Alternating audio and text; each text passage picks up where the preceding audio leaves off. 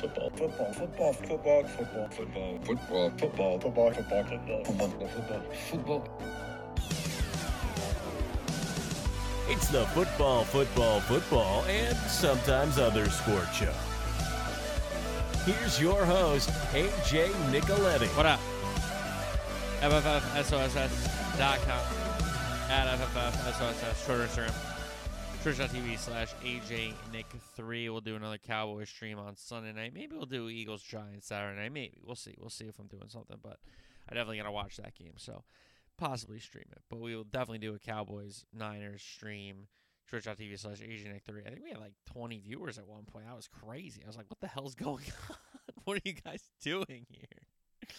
Uh, that was cool. So that is twitch.tv slash AJ Nick3. On this program, on this Thursday, NFL divisional round playoff stats and storylines, NFL divisional playoffs preview, NFL coaching carousel update, weekend soccer preview, and more. Again, we'll get into college basketball soon, I promise.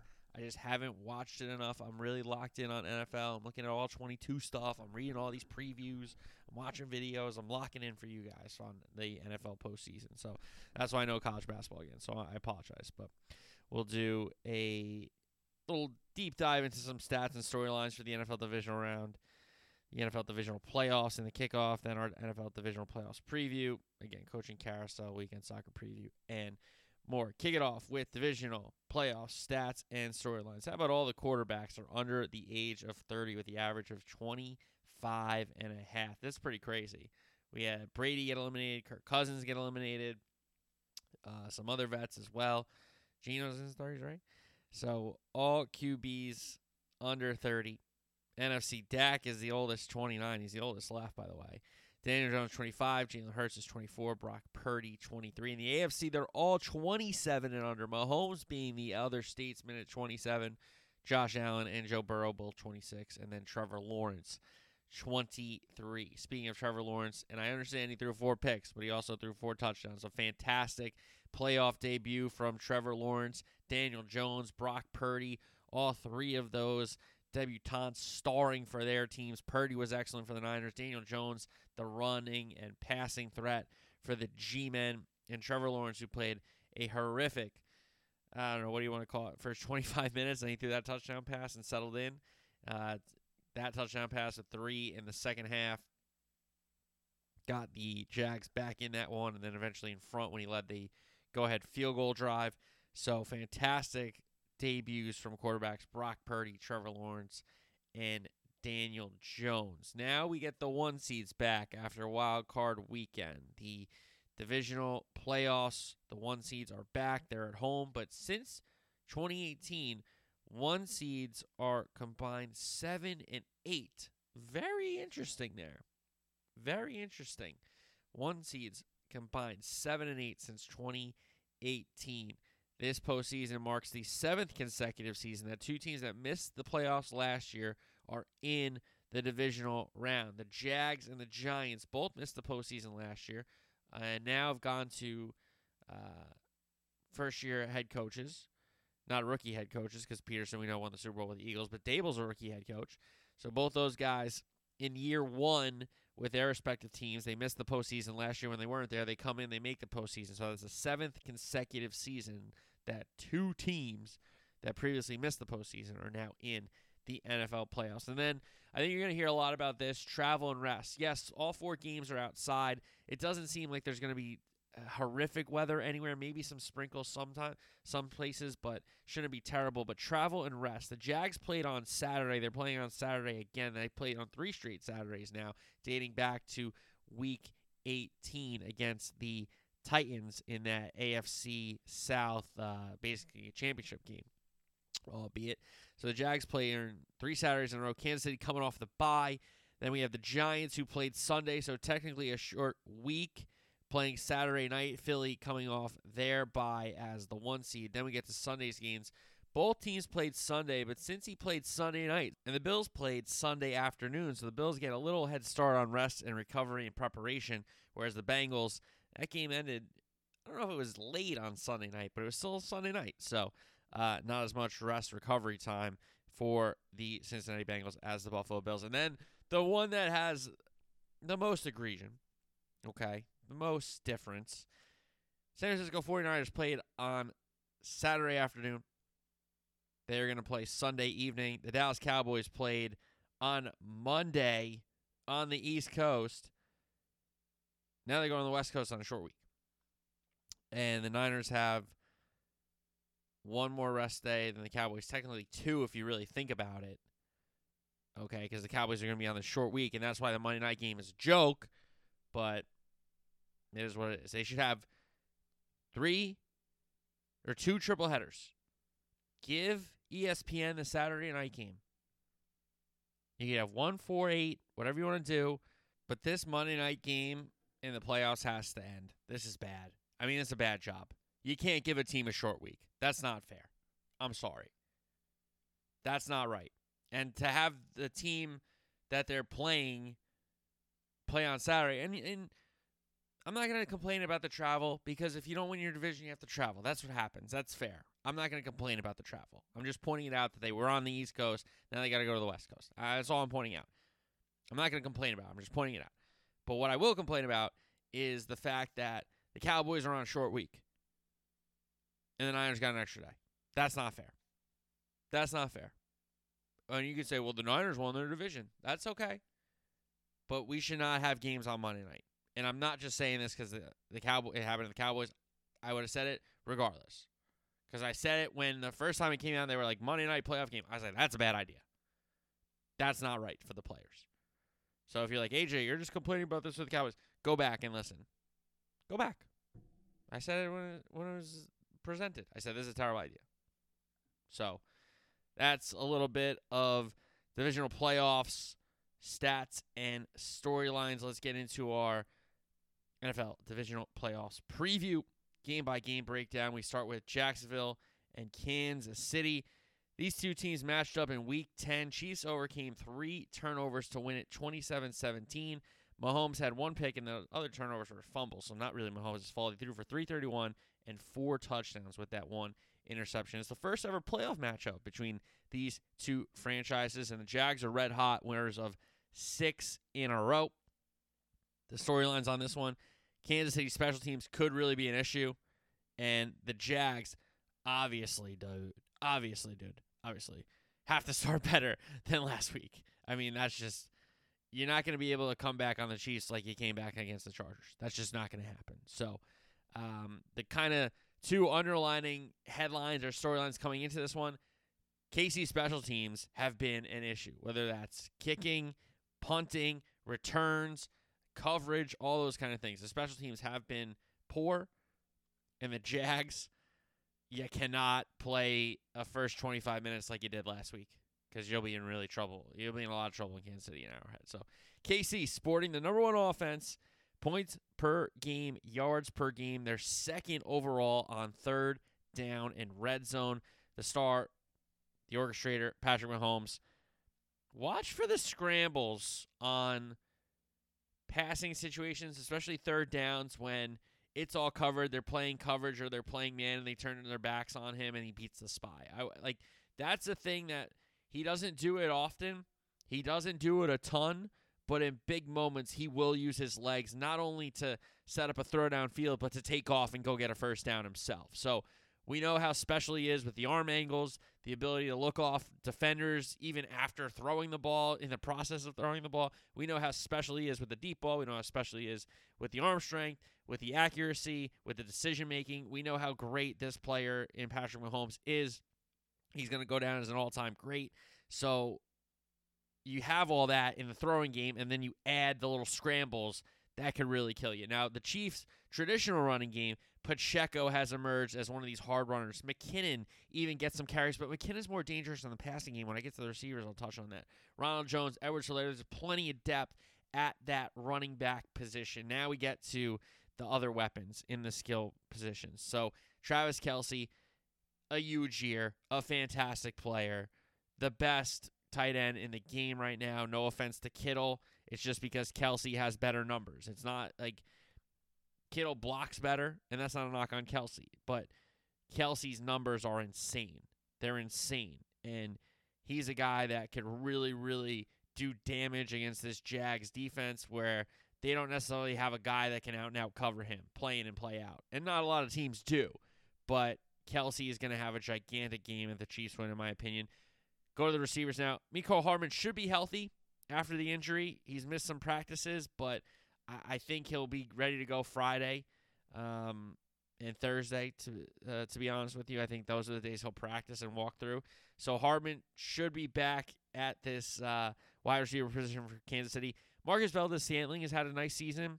Smith Schuster's had a nice season. Nobody's like blowing the way in the numbers, but they've been nice. They acquired Toney. He's another kind of chess piece that Andy Reid and Eric Bieniemy and Matt Nagy can throw out there and uh, get some targets, get some touches. And then you got guys like Skyy Moore, Justin Watson, Gray. These are all guys that could help out that are not um, the big name targets on this Kansas City offense. So maybe the Jags aren't paying attention to those guys. Now, the offensive line, very strong. Three Pro Bowlers, and they've had an excellent, excellent showing for Mahomes and company. Now, you look at the Jags defense.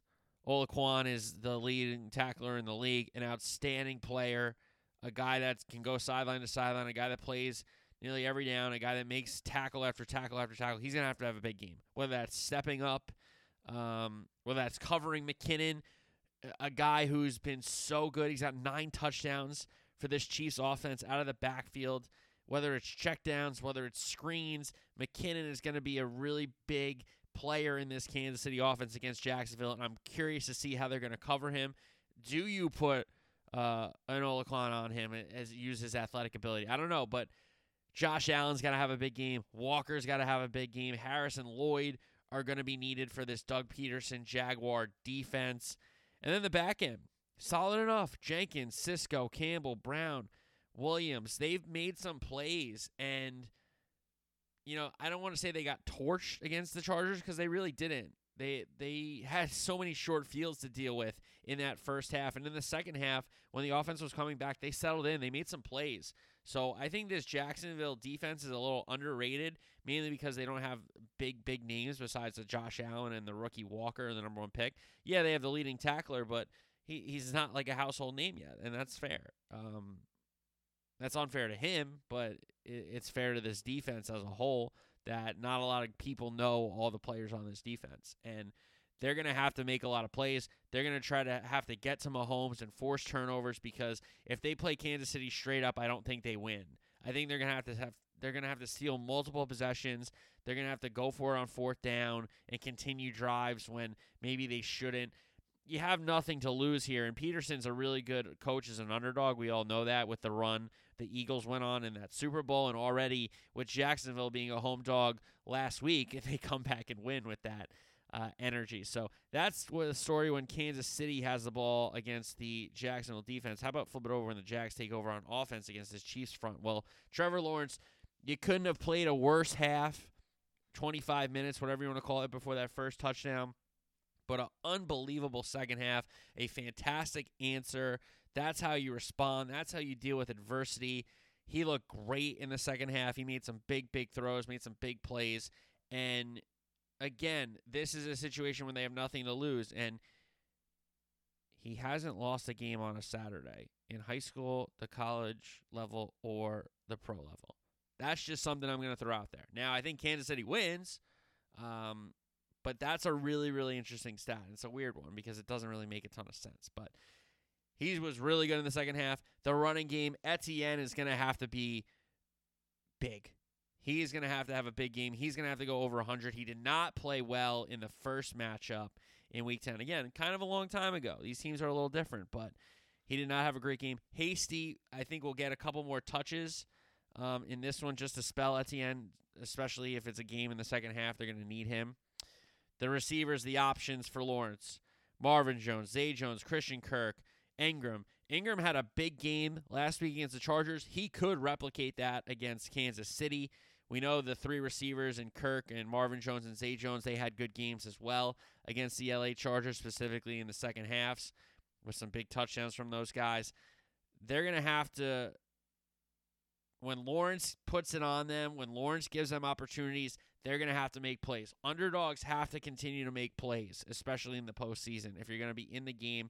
And if your quarterback has enough time, because we're about to get to the Jags O line next, you got to make plays for him. Agnew, another guy that's like a like a Swiss Army knife. You want to give him a couple touches, not besides kick returns and punt returns. So I wouldn't be shocked if he gets about three or four touches. Now the O line versus the KC front. They're gigantic matchups in both the run game and the passing game. Jones and Clark are the stars up front for this Kansas City defense. Uh, Karlaftis has had a good year. Saunders has had a good year as well. So those are the guys that supplement Jones and Clark up front. But those are the guys that have been the money guys for this Kansas City defense up front for what? Since they acquired them. You know, Frank Clark's been awesome. Chris Jones has been just all pro after all pro after all pro for this Kansas City defense. And those are the guys that you have to worry about for Jacksonville. If they can keep Lawrence upright, if they can open up some holes for Etienne in the run game. That's their chance to win this game. But if they struggle in blocking Jones and Clark, it could be a long night. It could be a long night because you also got Dunlap coming from the linebacker position off the edge. Gay and Bolton have really turned it up in the middle of the field for this defense as backers. And then on the back end in the secondary, Sneed, McDuffie, Reid, Thornhill, they've played really, really well as a unit. Yes, they've given up some plays. Yes, they've given up touchdowns as corners in secondary, but that's just what's going to happen sometimes when you can't run the ball against this front. Teams are going to have to throw, and it's the NFL. At some point, a quarterback and a receiver are going to connect. That's just what happens because of the rules. That's what happens because of the schemes, whatever it is. So the Kansas City stat that they give up, their secondary gives up the most touchdowns. Okay. And they're the number one seed. So I think they overcame it. Get my point? So again, Kansas City wins this game. If they don't turn it over, they get the Jags to turn it over. They play solid football. Jacksonville is the team that's got to do something abnormal or something out of body to win this game. If Kansas City brings a good game, solid enough, they win the game. They're at home, their playoff experience now. Maybe the the naiveness of these young Jags helps going to Arrowhead. They they don't maybe they don't know they're supposed to be intimidated, but it's going to be really difficult. It's going to be really difficult. Special teams: Patterson, Cooke, and Agnew. Uh, the triumvirate between kicker, punter, and return guy. We know the Jags kickoff, return, and punt returns are going to be big in this game. If Agnew can give the Jags short fields, if he could ever run one of those back and steal a score on special teams, that is the the blueprint, the billboard, how you're going to storyboard an upset here for the Jags. You got to run a kickback. You got to continue to give your guys short fields and opportunities, and that's Agnew's job. And it's a bad KC special teams. They're not good. Their coverage has been terrible. So that is a, certainly a point that Agnew can exploit. Now the Chiefs, Butker, solid kicker, has missed some. Townsend, good punter. Pacheco run, runs back kicks. Toney runs back punts. Both those guys have the ability to break runs. So the returns aren't terrible, but the coverage for Kansas City is bad. Jags by the numbers from the game against the Chargers. We already tell you that Kansas City offense is number two in third down and red zone uh, as an offense. How about the Jags last week against the Chargers? Third down, abysmal offensively, two of ten, but they were two of three on fourth. That saved them a couple times but two out of 10. That's not going to get it done against Kansas City. Defensively, the Chargers were 8 of 17 against the Jag defense. So not bad getting off the field, but the Jags are going to have to sustain drives and do better on third down offensively if they're going to score this upset. Red zone, very efficient. Four trips, three touchdowns, and a field goal. Defense allowed five trips, but they stood tough twice with two field goals and three touchdowns conceded. The turnover margin was Lawrence with the four picks. Um, the pick here, I think Kansas City wins. I'm not going out on a limb by any stretch of the imagination with that one, but um, more experience. I like Reid a little more than Pederson as a head coach. Mahomes is just a special, special, special type of player. And the Chiefs, a week of rest at home. I think it's just too much to overcome for a Jacksonville team that needed like a miracle second half last week. If they were playing, like I understand they have a win streak. I understand they've won in a couple different ways. Uh, they've come from behind a couple times. The Dallas game, the game last week, um, the Tennessee game as well. Kind of they they've won a couple different ways, and I'm not discrediting them, but I think it's just they're gonna have to play like an all time perfect game, and I'm not sure they have that. Like if they played really good last week, I say, okay, carry that in. You got a chance. I'm not saying they don't have a chance, but they didn't play great. They didn't play 60 minutes last week. You need to play 60 minutes to beat the Chiefs at Arrowhead in the postseason. And I don't know if this Jacksonville team is ready to play 60 minutes. And it's not a knock. I, I think it's just sometimes you go against a better team. So I think it's a.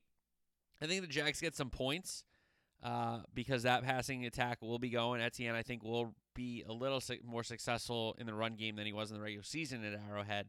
So I think the Jags do score more than 17, but I'm worried about the Kansas City offense against that Jacksonville defense. And I think Kansas City's going to be clicking. They got so many playmakers. I know Tyreek Hill's gone, but the other guys have really, really stepped up. And it's allowed Mahomes not to just focus on two guys in Kelce and Tyreek Hill. It's allowed him to say, okay, Kels, you know you're going to get your balls, but I got to spread it around to a lot of other guys now. And he's like, okay, cool, no worries. And some games it's Valdes Scantling. Some games it's Juju Smith Schuster. Some games it, it's Watson or Skyy Moore even earlier in the season. So, and Toney has made some plays. Mecole Hardman's made some plays. So, who's it going to be for that Chiefs offense? I think it's going to be a lot of different guys, of course, with Kelce McKinnon. I think is going to have a big game. I'm going to go Chiefs. Do they hang 40? No, they don't hang 40. 38 to uh, 24. 38 24. Give me the Chiefs. Giants and Eagles. The New York football Giants travel to the city of brotherly love to take on their big time NFC East rivals, the number one seed, Philadelphia Eagles. You know, the Giants coming off their first playoff win since 2011. How about the season series between these two teams? They played twice, we know. Eagles won both games week 14 at MetLife. Eagles 48 22. They had over 430 total yards. They smacked the Giants around at MetLife. And then week 18 in Philly. Both teams rested some players, but Jalen Hurts played. He didn't play well against the Giants. Uh, last couple playoff meetings is a 2 2 series. 2008 divisional round. Philly won at Giants Stadium 23 11. 2006 wildcard game was actually Jeff Garcia um, who won that one 23 to 20 in Philly. Last Giants win in the postseason 2000 against the Eagles. So the storylines for this one what is Jalen Hurts' health? What is his kind of fitness level? Is he ready to go? Um, is he banged up at all still? Because he didn't look great in week 18, and he hasn't played a ton of football since being hurt. And even in that Bear game that he got hurt, he didn't look great either. So Jalen Hurts has not looked like himself. That that MVP talk that so many people were were trying to speak into existence, and he deserved to talk. He was he's the leader of the best team for a long time, so he deserved to be in the conversation. But since he's been injured, he has not returned to that form, and very little football has been played. To be fair, by him on the other side of that coin. But you would have loved to see a little bit of it against the Giants in Week 18. You didn't see any of it, and now a week off. What is the the sharpness level that Jalen Hurts will have for this offense for the Eagles. And then you go to the Giants. Can Danny Dimes continue this strong play? Because if he did what he did in Minnesota, the Giants are going to be more than in this game in Philadelphia. They have an opportunity to win it because he was outstanding against the Vikings. The New York football giant quarterback Daniel Jones. He was great in Minnesota against those Vikings with his legs, with his arm, with his decision making uh, the accuracy, the ball placement. He was spectacular. So can Danny Dimes? Can he be consistent now? Start two in the postseason. Can he be as good as start one in Minnesota? Can he match it in Philadelphia? So we start with the Giants and when Daniel Jones and that Giant offense have the ball. He's got to be a concern for the Eagles, not only in the pass game, but the running game. And it's not you know, a, a quarterback that scrambles and a quarterback that you he's a running quarterback as well. And they're going to call quarterback power for him. And they're going to call design quarterback read for him. And they're going to call design quarterback draw for him. And not only are you going to be prepared for him, he's a big guy. Now he's not, you know, strong guy, but he's a big guy and he is agile and he can move it a little bit. So He is a athletic quarterback that gets on the edge with blockers and design, and he knows how to run. And to add to that, he's been very good with his arm. Very good with his arm. Now, Barkley, same kind of thing. The running game and the catching the ball out of the backfield side of this Giant offense. Barkley is going to have to have a gigantic game. I'm talking over 150 total, maybe even closer to over 200 combined between rushing and receiving yards if the Giants are going to win this game. It has to be on Saquon Barkley's back, whether that's in the screen game, whether that's him being the outlet in the passing game, or pounding the rock, getting outside, getting the blocks done, and, and blocking up that tough Eagle front. Barkley is going to have to be the key for this Giant offense because, yes, Slayton and James and Hodgins have come on, especially when Daniel Jones heated up. Bellinger's had a nice year, but the Eagles have struggled against running backs, and we know how good the Eagle front is against the run. If Barkley can have success in the run game and in the pass game, look out because the Giants are going to be in this one.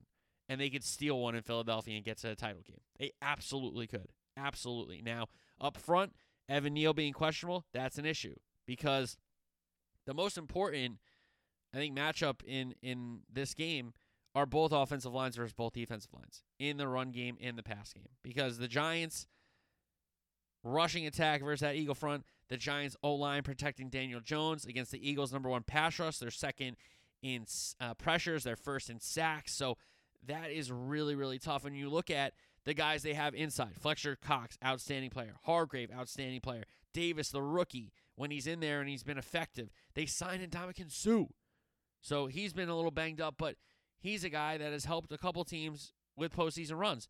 So those are the guys inside and the depth inside. How about outside? Brandon Graham has had double digit sacks. Sweat has had a really good year for these Eagles. Haason Reddick on the outside, coming from the backer position, has rushed the passer well. Then you got Robert Quinn and Linval Joseph. Another depth piece to both outside for Robert Quinn and inside for Linval Joseph. So if this Eagle front is healthy, they have body after body, and it's not just bodies. These guys are great players. I mean, Fletcher Cox might go down as an all-time D tackle, and Ndamukong Suh might be the greatest D tackle of all time. Davis, the rookie's been good. Hargrave's been good since the Eagles have drafted him. Brandon Graham on the outside's been outstanding. It's been outstanding. Sweat's been good. Reddick's been good. They're adding Robert Quinn and Linval Joseph back to this depth. So the Giants are going to have their hands filled with this offensive line versus Eagle front. If the Giants are able to block in the run game and protect Daniel Jones, they win the game. I'm telling you that right now. The Giants can win this game and should if they protect Daniel Jones and they run the ball. That's their keys. That's the Giants' keys because Edwards and White, good backers. I think Bradberry, Slay, Gardner Johnson, they're three strong corners. Blankenship on the back end. Gardner Johnson kind of plays safety, but he also matches up and plays corner a lot uh, when teams go through receivers. Bradberry revenge game. We know he's looking to get keep getting picks off uh, his former teammate Danny Dimes, but we'll see. And those guys are beatable. Slay's a great corner, but he can get toasted. Gardner Johnson, we know, has gotten toasted as a Saint for a long time. Bradberry got cut by the Giants because he couldn't stop getting toasted.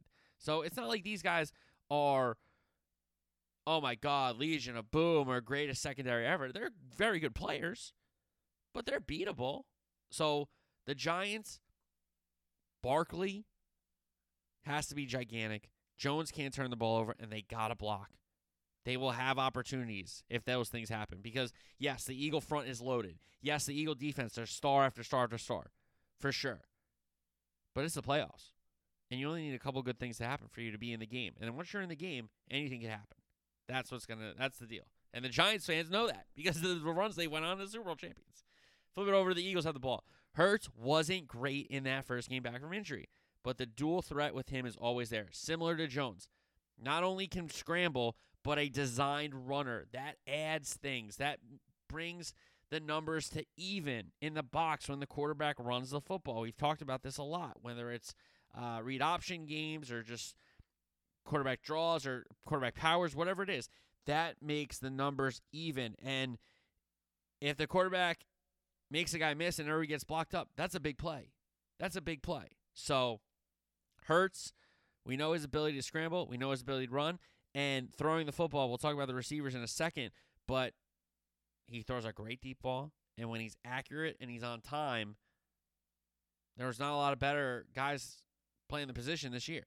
Now, the traditional running game, Sanders, Gainwell, Scott. Gainwell and Scott, kind of that tag team uh, spell back for Miles Sanders. Sanders, who had a bad season, a tough luck season last year with the no touchdowns. He had 11, I think, on the ground this this year. So back into the end zone. He's been really good. Gainwell and Scott both spell him, and they've done um, well against the Giants historically. Gainwell and Scott. So now back to Hurts throwing. AJ Brown since coming over has had a great season. Devonta Smith has emerged again as a fantastic receiver.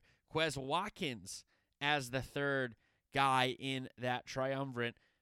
Solid enough. Solid enough. And Dallas Goedert, that is going to be a big matchup because the Giants don't do really well against tight ends, and Dallas Goedert is a really, really good one. He's a really, really good one. So that is a big matchup for the Giants.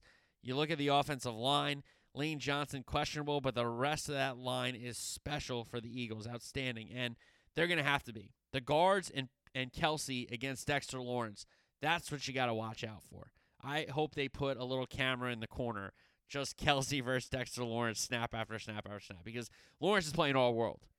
He is being uh, a menace on every snap. He's making plays. He's getting held. He's getting calls, and offenses have to divert so much attention to him, whether that's the double team from which guard, whether that's helping out with the running back as well. Like, so much attention has to be diverted to Dexter Lawrence, and that's why when you have a healthy Leonard Williams, Thibodeaux's coming along.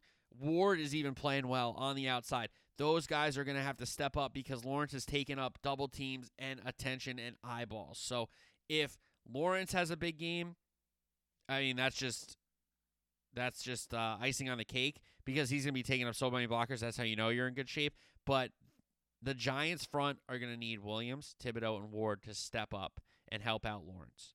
Now, the whole secondary for the Giants, and Jaylon Smith's been a good backer, but he's been hit or miss. There's some plays where he looks absolutely lost. There's some plays he makes, and you're like, damn, that's a great linebacker, but he's hit or miss. Now, the whole secondary besides McKinney is questionable.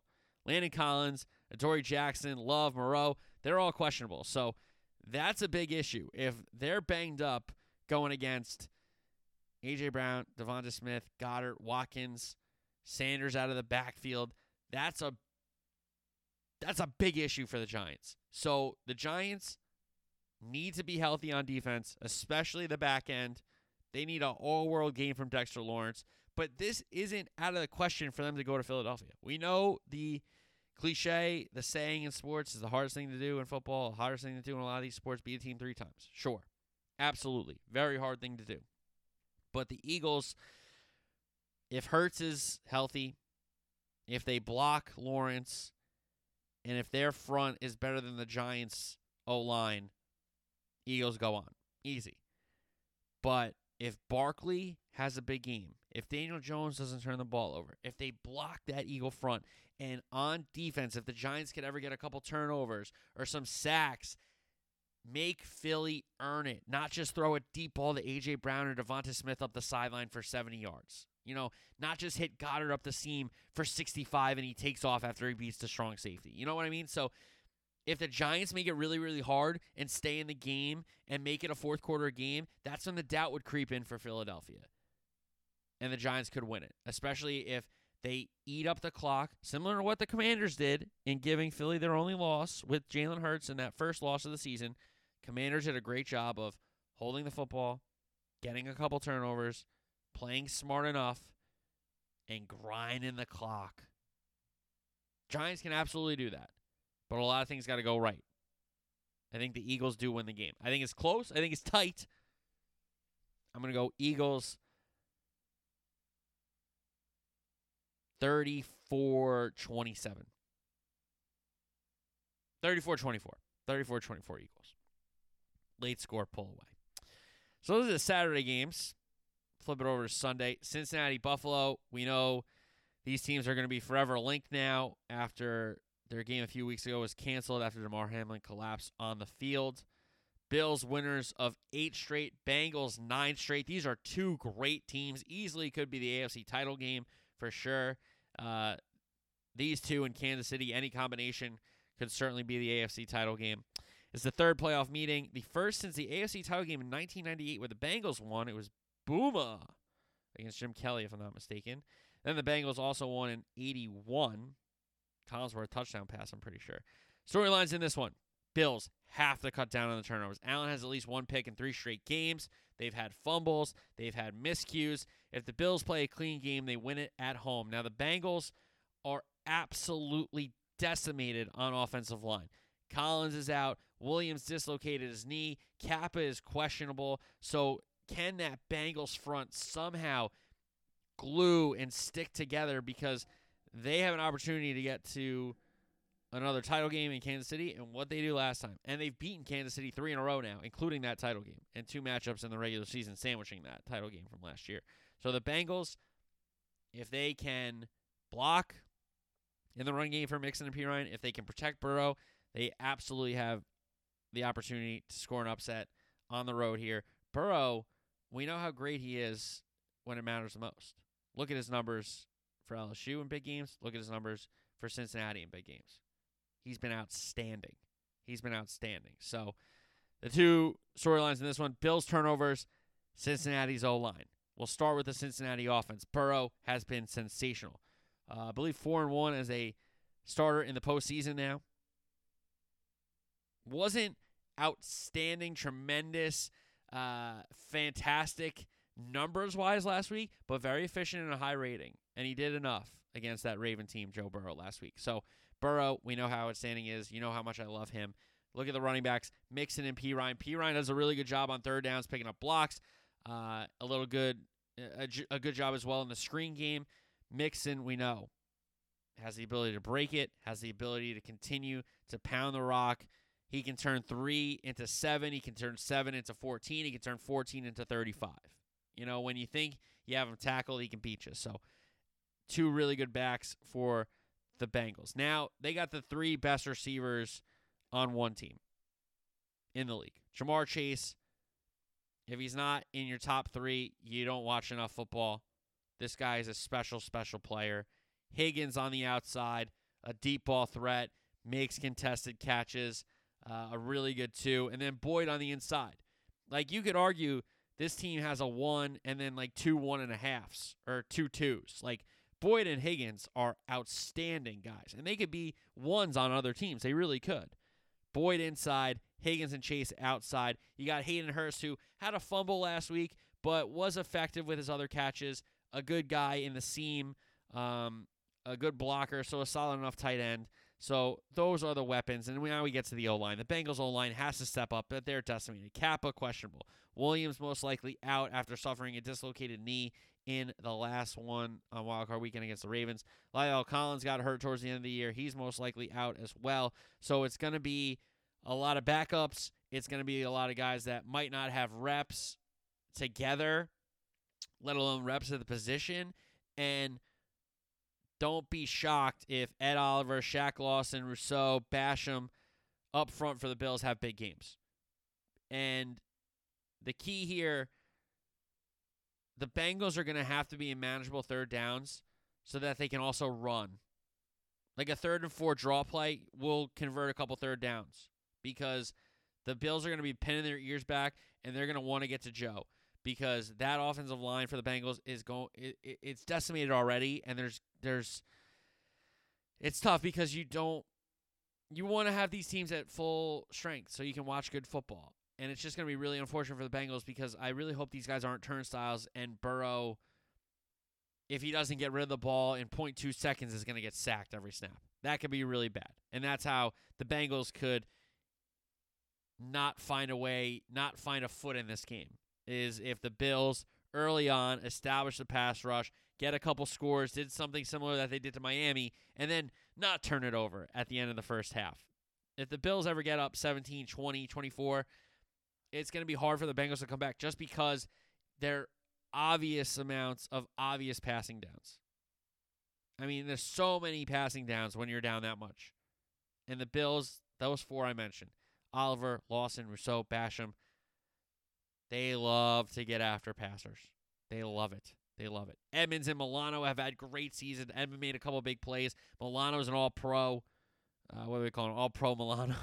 I mean, that's cute. But that, like, he's had a great season. So this Bills defense, especially front seven, front whatever, are outstanding. Now, the back end could be issues. Besides Tre'Davious White, Elam, the rookie, might have to step up because uh, Jackson left the game last week, but he probably will go. Johnson, the nickel, is going to be against Boyd. That's a cool matchup. So Elam's probably going to see some Higgins, and White will probably chase around uh, Ja'Marr Chase. Fun. I didn't even think about that pun. Sorry. He'll follow Ja'Marr Chase around there. That's better. There we go. So it's going to be really, really cool matchups. We know how great Poyer is on the back end. Uh, Marlowe has been in there for the injured Hyde and Hamlin. If Hyde can come back, he's been designated off IR. I don't know how many practices he's had in him, but it would be a tough order for him to just step into a playoff game. But who knows? It, it is the Bills. They, they have that kind of energy. So that's the story when the Bengals have the ball. The O line running the football and protecting Burrow is the storyline for the Bengals. We know they have playmakers. We know they have great backs. We know they have cool Joe Burrow, who is so, so good. I love watching him play. Um, the technique is outstanding. The willpower is outstanding. The decision making is outstanding and he's just a really really big star and he and he plays well in big moments. Now, it might not even come down to that unless he can get the ball out quickly and not get sacked. Because if the Bills have their way with the Bengals front, it's going to be a long day for Joe Burrow and company. Now, when the Bills have the ball, Josh Allen has to play better. And he'll, he's the first one to tell you that. He hasn't played well. He's the first one to tell you that he's got to cut the turnovers down.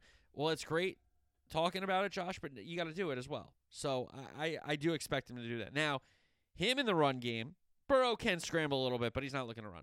Allen, in third down situations, in situations where he knows he has to get a first down and continue drives, he will take off.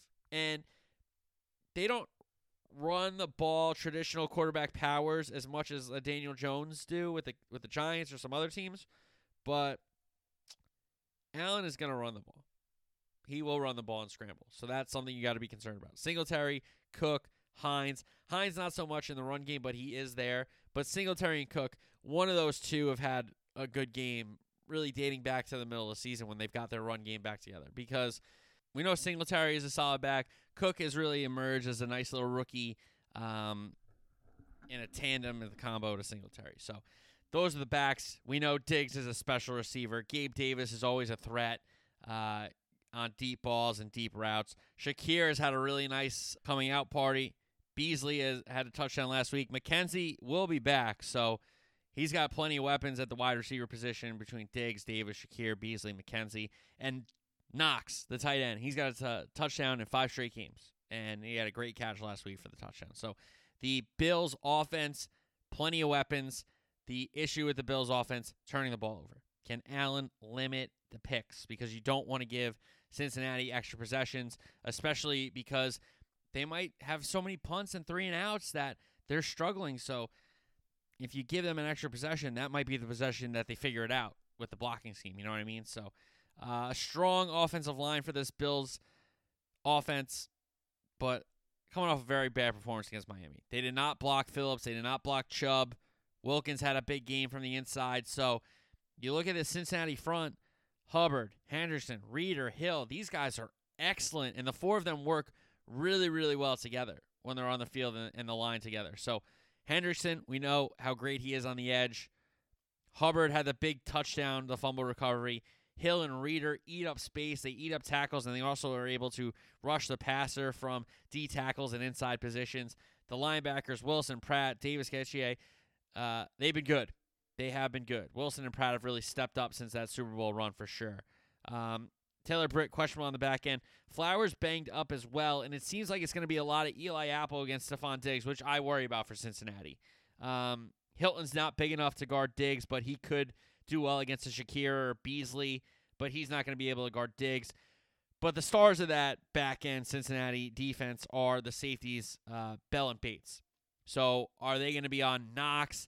Is one of them going to be a spy of Allen? Going to be really interesting to see how Cincinnati defensively um, lines up and gives responsibilities to Bell and Bates because they're going to have to make a lot of plays. Whether that's coming up and tackling in the run game, whether that's double covering Diggs and making sure he doesn't go crazy, whether that's covering Knox over the middle of the field. If it's taken one of the receivers in Gabe Davis or, or a Beasley or Shakir, who, McKenzie, whoever, but they're going to have to help Eli Apple on Diggs if that's the matchup. I'm just telling you that right now. That's a trouble matchup. So uh, that's the story when the Bills have the ball because the Bills have turned it over. Can Eli Apple get a pick? Can Mike Hilton get a pick? Can one of these guys force a fumble or do something? Can Hendrickson get a strip sack? Can Hubbard get a strip sack? Can um, Reader or Hill punch a ball out in the middle with a scrum where Singletary or Cook have the ball?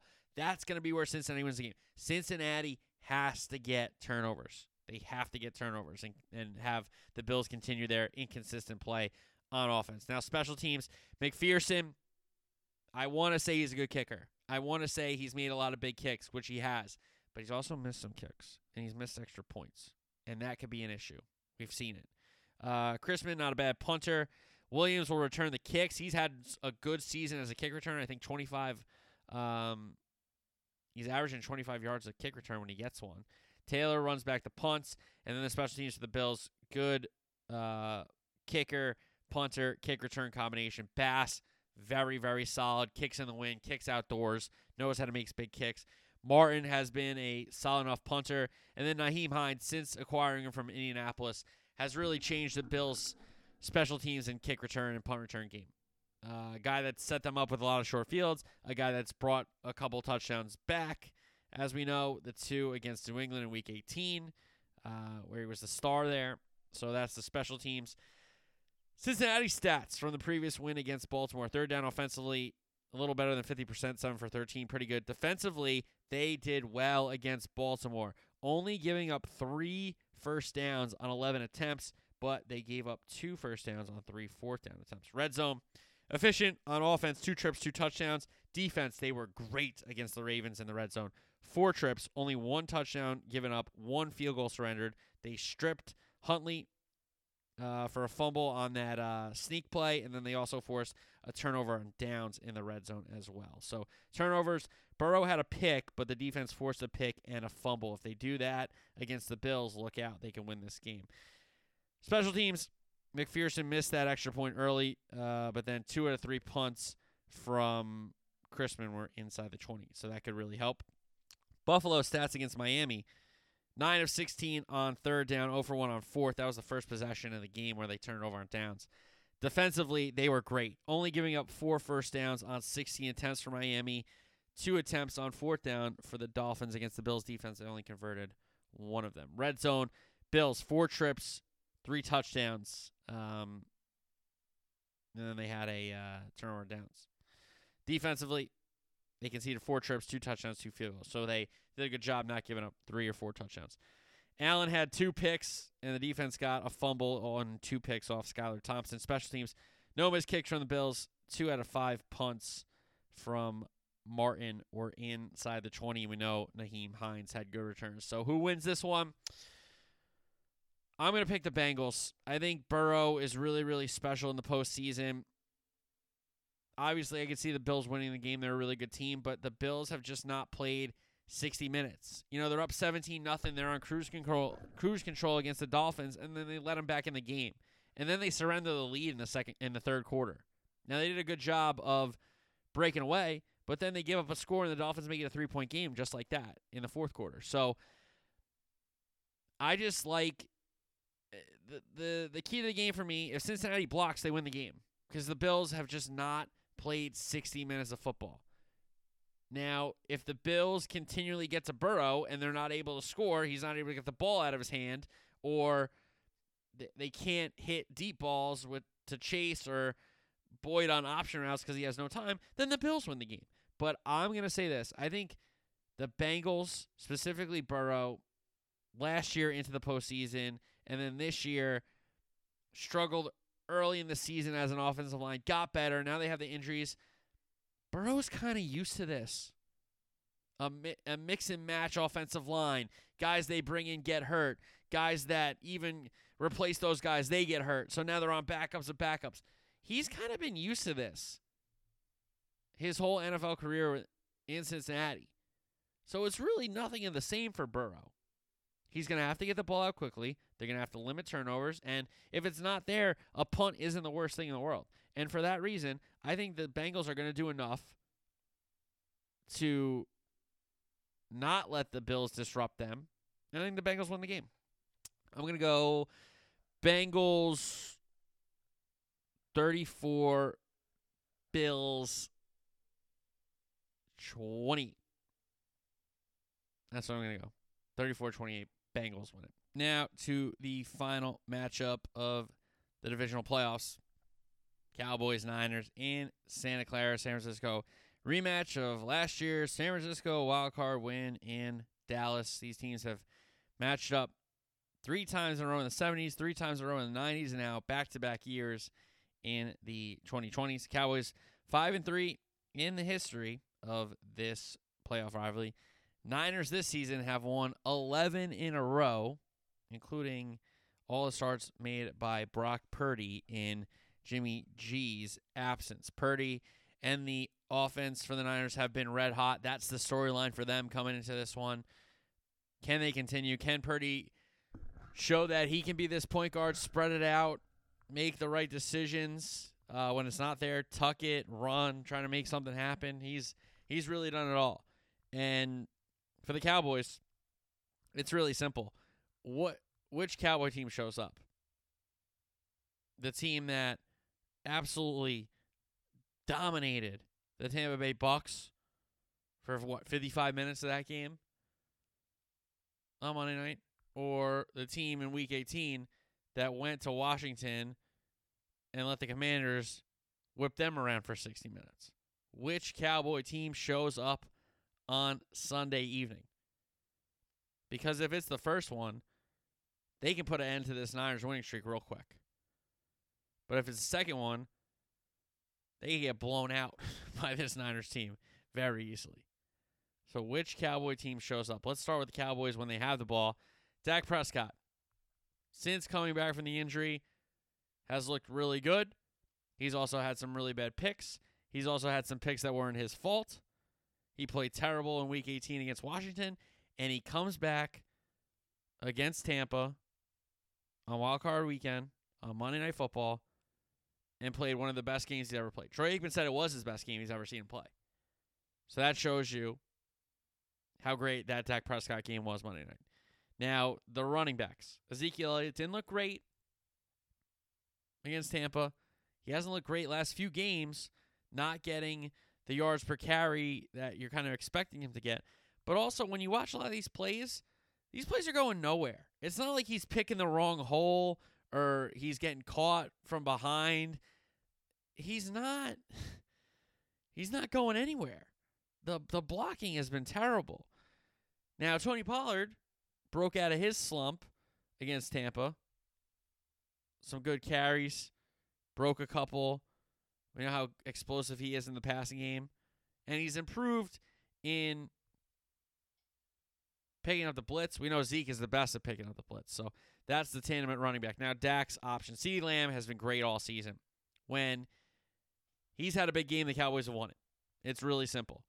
Uh, an outstanding receiver, runs all the routes, great hands, makes big plays. Michael Gallup is just he makes tough catch after tough catch after tough catch, whether that's a go ball on the sideline, whether it's a deep in against the corner, whatever it is. Like he's making big plays. Now, the third receiver is really interesting. You saw a lot of T.Y. Hilton, and he made some catches. Now, Noah Brown in the pass, in the run game, sorry, is a good blocker. So I don't really want to give away who, what they're doing if the which third receiver's on the field. You know, if it's a pass, it's Hilton. If it's a run, it's Brown. That's not probably not great tendency to have, and that that Niner defense will pick up on that real quick. But um, interesting what you're getting out of that three position between Noah Brown and T.Y. Hilton. Now the tight ends: Schultz, Ferguson, Hendershot, McKeon. The tight ends have been really good for Dallas. Schultz has had an awesome year. Ferguson has had some big receptions and big plays. Hendershot's had some touchdowns. McKeon's blocked and done a really good job. He was playing some fullback last week with McGovern in those full house backfields. So those are the weapons. But the concern for the offense, in my opinion, for the Cowboys is the offensive line. The starting offensive line last week against Tampa, Jason Peters came in at left tackle. That shifted Tyler Smith, the rookie, to left guard. Biadasz came back at center. Then you had Martin and Tyron Smith on the right side. That's a really, really good offensive line. Now, unfortunately, Peters went out. So Smith, the rookie Smith, Tyler, went back to left tackle, and McGovern came in at left guard. So if Peters can go, I think it's a it's a awesome line. If Peters can't go, I still think it's a good line. So we'll see what uh, five come out and trot out for the Cowboys on Sunday evening when they go up against Bosa, Kinlaw, and Armstead. Now, Bosa, an outstanding football player, uh, an elite edge rusher, an elite pass rusher in this game. We know Kinlaw and Armstead are great as well, coming up the middle, wrecking havoc on that front. Warner and Greenlaw are two of the best linebackers you're going to see, and they're on the same team. Warner, I think, is the best linebacker in the league for me. Greenlaw's been excellent. Uh, a little banged up, but he's all right. Back end, Ward, Lenoir, the corners are going to have to step up against CeeDee Lamb and Michael Gallup. That's where I think the Cowboys can win. I'm not knocking those guys at corner, but I think that's a place that the Cowboys could have some success. If they're able to block, I think they can make plays with Dak in the passing game. Now, Hufanga and Gipson Sr., very good safeties. Very good safeties, and they are a concern. And that Niner defense is really, really good. You go to the Niner offense now, Purdy's done nothing but win. Purdy's done nothing but win, play well, and put up numbers. Now, you got to think at some point, hmm, is that going to end? Well, I'm thinking that for my Cowboys, but easily, if the Cowboys come out and play poorly, the Niners could run away with this. And not only has Purdy been really good in the passing game, he's figured out how to extend plays. Look at the plays against Seattle last week. Three, four times he's extended plays with his feet, either taken off or fired a dart to somebody. Run game. And in the passing game, these guys too. McCaffrey, Mitchell, Juszczyk. McCaffrey, trading for him might go down as one of the greatest trades of all time if the Niners can cap off this Super Bowl run with the Lombardi Trophy. Mitchell is an outstanding second back. Juszczyk, you can use him anywhere. Deebo is going to get some carries. He was very successful against the Cowboys last year in the postseason, getting carries in the backfield. Aiyuk has really, really had a good year. Um, you know, a lot of people didn't trust him, including his coach last year, early in the season, but he's just earned Kyle Shanahan's trust game after game after game. Jennings had a couple, a couple big catches against Seattle, so you got to keep him quiet. And Kittle, we know is an outstanding tight end, but a great blocker first. Now, the O line for San Francisco, Williams and McGlinchey at the tackles, really good inside guys as well. A story of the game when the Niners had the ball. If they block the Cowboys, they're going to be able to do whatever they want. Now, Parsons has to get in. Tank Lawrence has to get in. Dante Fowler, Sam Williams, Dorance Armstrong. These are guys that have to make plays on passing downs in the run game to get to Purdy to make him at least be a little uncomfortable once. He has not looked uncomfortable. He's looked great. So I, I just, the Cowboys are going to have to get home with those five guys. And you got Hankins and Odighizuwa. I wonder if Gallimore is going to come in and help out and, and uh, supplement those guys up front. But Hankins made a couple big plays, a couple tackles for loss. Odighizuwa had a tackle for loss against Tampa. So those guys are going to have to be big against McCaffrey, against Mitchell, against Juszczyk, eating up blocks, making tackles at the line of scrimmage. If the Cowboys have an opportunity in this game to win this football game, their defense is going to have to stop the run and make Purdy beat them with big plays and obvious passing downs. Barr and Vander Esch, uh, Damone Clark, the backers have to have big games. They have to help those guys in the run game. They have to be aware of their zones and play action and who has who against Kittle and some of these other guys and the backs out of the backfield. Those guys are going to have to have big games. And then on the back end, Diggs is Diggs going to follow Deebo around? Diggs did not have a great game against Tampa. He didn't get toasted or anything. I think they got seven catches against him for 75, but it wasn't like they hit the big, big plays against him. He got burnt in a couple crossing patterns. That's going to happen in man coverage sometimes. It, it is what it is. But Diggs following Brant um, Deebo around, uh, I'm going to be very interested to see how many snaps Diggs and Deebo match up. Now, DaRon Bland, the rookie, didn't have a great game against Tampa. Can he bounce back in this one against San Francisco? Jayron Kearse got hurt. What's his status coming back to be part of that three headed monster of safety with Malik Hooker and Donovan Wilson, who Hooker, Wilson, Diggs, Bland, I think played 100% of the snaps, if I'm not mistaken, against Tampa Bay. Um, so can the Cowboys stop the run? Can they make Purdy be the guy to beat them with his arm consistently and not, you know, with on time throws? Can they disrupt that Niner tempo? Can they disrupt that Niner offense? Special teams, Maher coming off maybe the worst kicking performance ever in a postseason game. Four missed extra points. Four missed extra points. That's so bad. He finally made one. So that's good. Anger is a good punter. And we know how good Turpin is as a kick returner, punt returner. Yet to break one, but it seems like he's really close to breaking one. They can say the same thing the Niners do for Ray Ray McCloud, who's been close to breaking a couple kick returns or punt returns. Robbie Gould, excellent kicker. Wishnowsky, very good punter. Cowboys numbers from the win against Tampa. Third down, they were 7 of 13. Offensively, 2 of 2 on fourth, so very efficient on third down and fourth down. Against the Cowboy defense, Tampa was 10 of 18, 1 of 3 on fourth down. Red zone, Cowboys, four trips, four touchdowns. That's an excellent job. Very efficient for the Dallas Cowboy red zone offense. Defensively, they gave up three trips. They gave up one touchdown, and then they got the pick on Brady, and then a turnover on downs later in the game. The turnover, none from the Cowboys offense. They got Brady picked off once. We know special teams Maher missed four extra points. San Fran, their uh, stats from their win against Seattle. Third down, they were six of eleven on offense. Defensively, only gave up six first downs on thirteen attempts. One of one on four for that Seattle offense.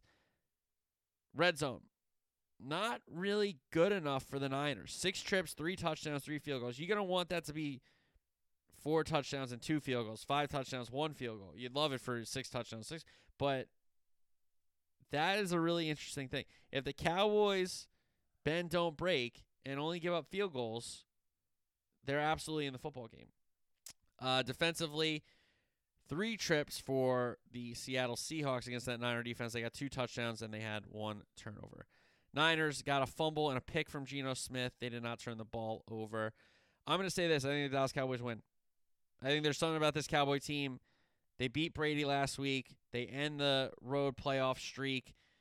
At some point, this Niner team has to lose, right? At some point, Brock Purdy has to come back to earth, right? Why can't it be against my Cowboys? And you can say, AJ, you're being biased. AJ, you're just picking with your heart. The Cowboys are a good football team. They're not a consistent football team, but they're a really good football team. And when they've lost games this season, they've gone on at least a two game winning streak. And twice they went on four game winning streaks after they lost a game. They lost in week 18. They won against Tampa in the wild card weekend. So I'm going to go Cowboys 28 24. Cowboys 28 24 over the Niners. NFL coaching carousel up, update. Jobs still open. Arizona, Carolina, Denver, Houston, and Indy. Arizona, however, hired Monty Ossenfort as their GM. Uh, soccer, EPL, Crystal Palace Man U finished 1 1. It was a Bruno Fernandes first half goal that gave United the lead, but at Selhurst Park, it's always rocking. We know that. Olise, 90 plus 1 equalizer to split the points. Thursday, we got City against Tottenham. Tottenham reeling, lost to Arsenal. A lot of rumors about Conte not signing an extension. Does that mean Kane is going to be on the on the move this summer? A lot of dominoes could fall in North London against Spurs. Um, but they go to the Etihad to take on City. Very interesting match. Liverpool, Chelsea, two teams that have kind of struggled and had similar seasons. Some injuries, um, some new guys not playing up to potential. Chelsea fired their manager and brought in Graham Potter. Liverpool yet to fire Jurgen Klopp. I don't think they're ever going to sack Jurgen Klopp. But this one at Anfield, Chelsea comes in. Pulisic banged up. A lot of injuries for that Chelsea team. Who does Potter trot out there? Who does Jurgen Klopp trot out there for the Liverpool 11? Then we have Bournemouth Forest. You could argue that's a six pointer.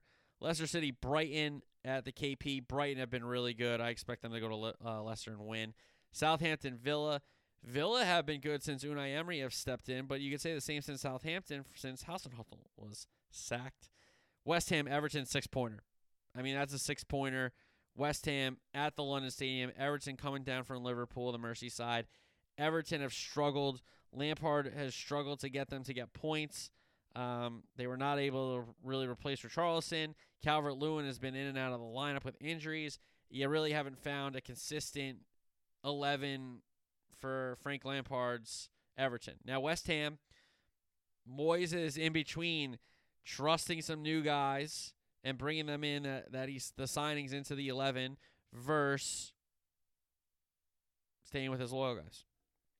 Uh, Crystal Palace, Newcastle, really good game. Crystal Palace is a really interesting side with Vieira, and they're close.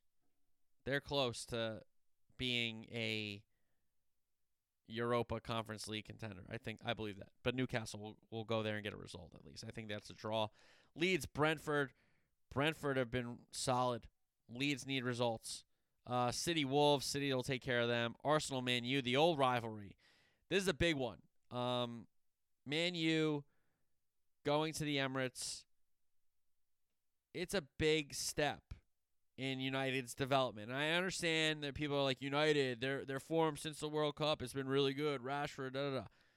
They haven't played a lot of world beaters. Yes, they beat City. Give them credit. Sure, they beat City.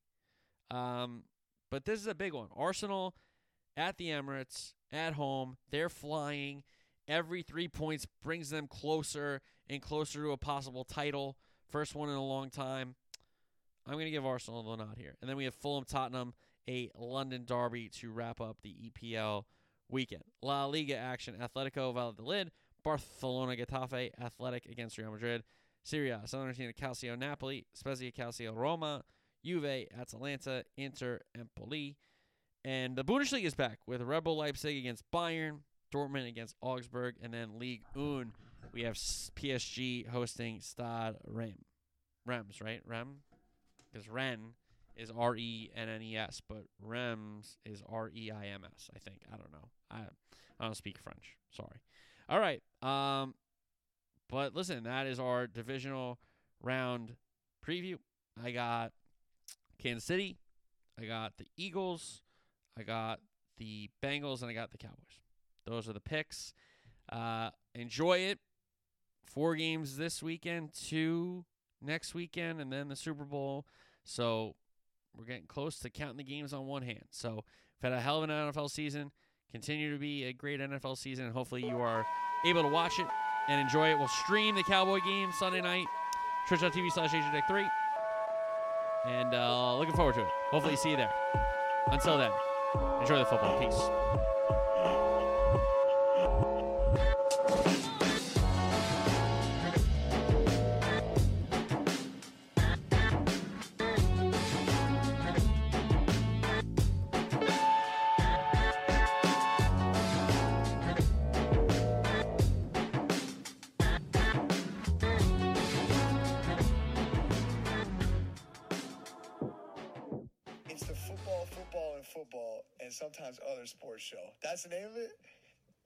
Podcast. That sounds like my kind of podcast. Football, football, football, and sometimes other sports show. Sounds like me.